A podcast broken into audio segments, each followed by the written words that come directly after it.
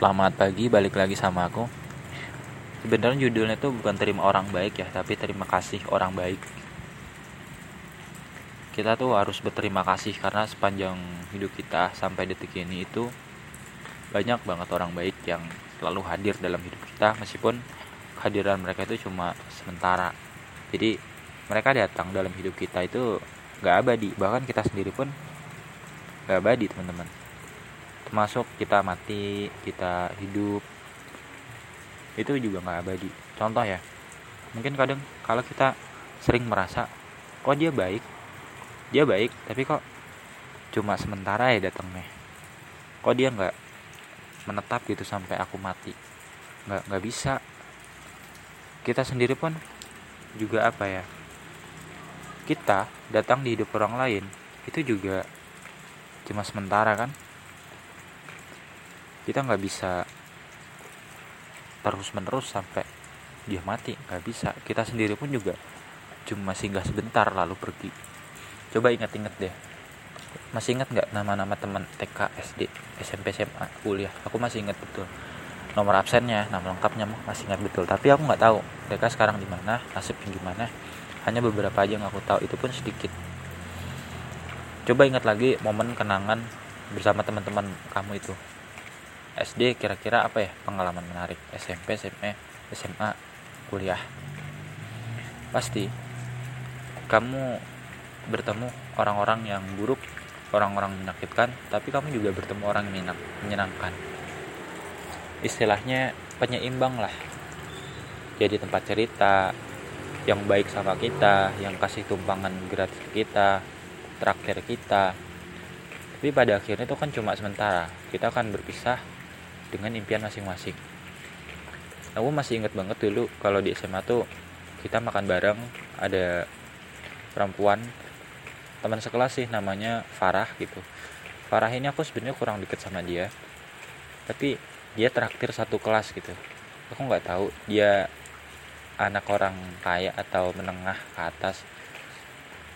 Tapi satu kelas itu ditraktir karena ada 32 anak tuh termasuk dia kita dijajanin bakso atau soto gitu mie ayam. Karena masih murah kira-kira 5000 lah satu mangkok satu porsi.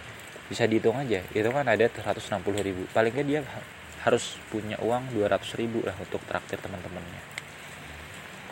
Bayangkan itu satu contoh aja. Banyak juga temen-temenku yang traktir. Atau nggak cuma traktir deh. Ada juga yang kasih tumpangan gratis ke aku.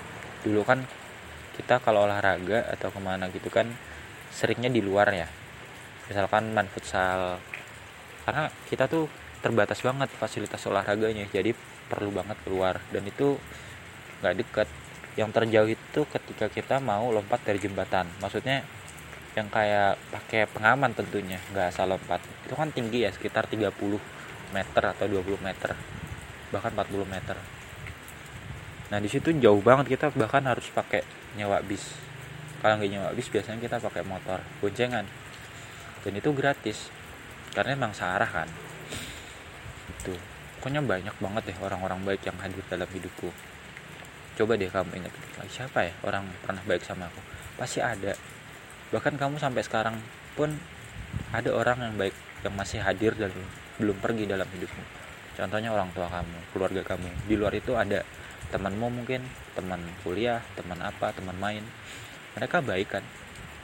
Ajak main tugas bareng dan sebagainya. Meskipun baik itu relatif ya bagi setiap orang. Kita harus bersyukur dan berterima kasih kepada mereka. Meskipun kita nggak secara langsung ngomong makasih ya udah baik sama aku. Nggak seperti itu tapi wujud terima kasih kita adalah dalam doa selalu mendoakan mereka diberikan kesehatan, keberkahan dalam hidupnya, dimudahkan impiannya. Atau kita juga memberikan kasih sayang ke mereka. Melindungi mereka sekuat yang kita bisa. Karena suatu saat aku, kamu, atau siapa pun itu akan mati suatu saat. Dia hadir dalam hidup kita cuma sementara. Kita pun juga sementara dalam hidup orang lain Aku coba mengibaratkan dunia itu seperti ini.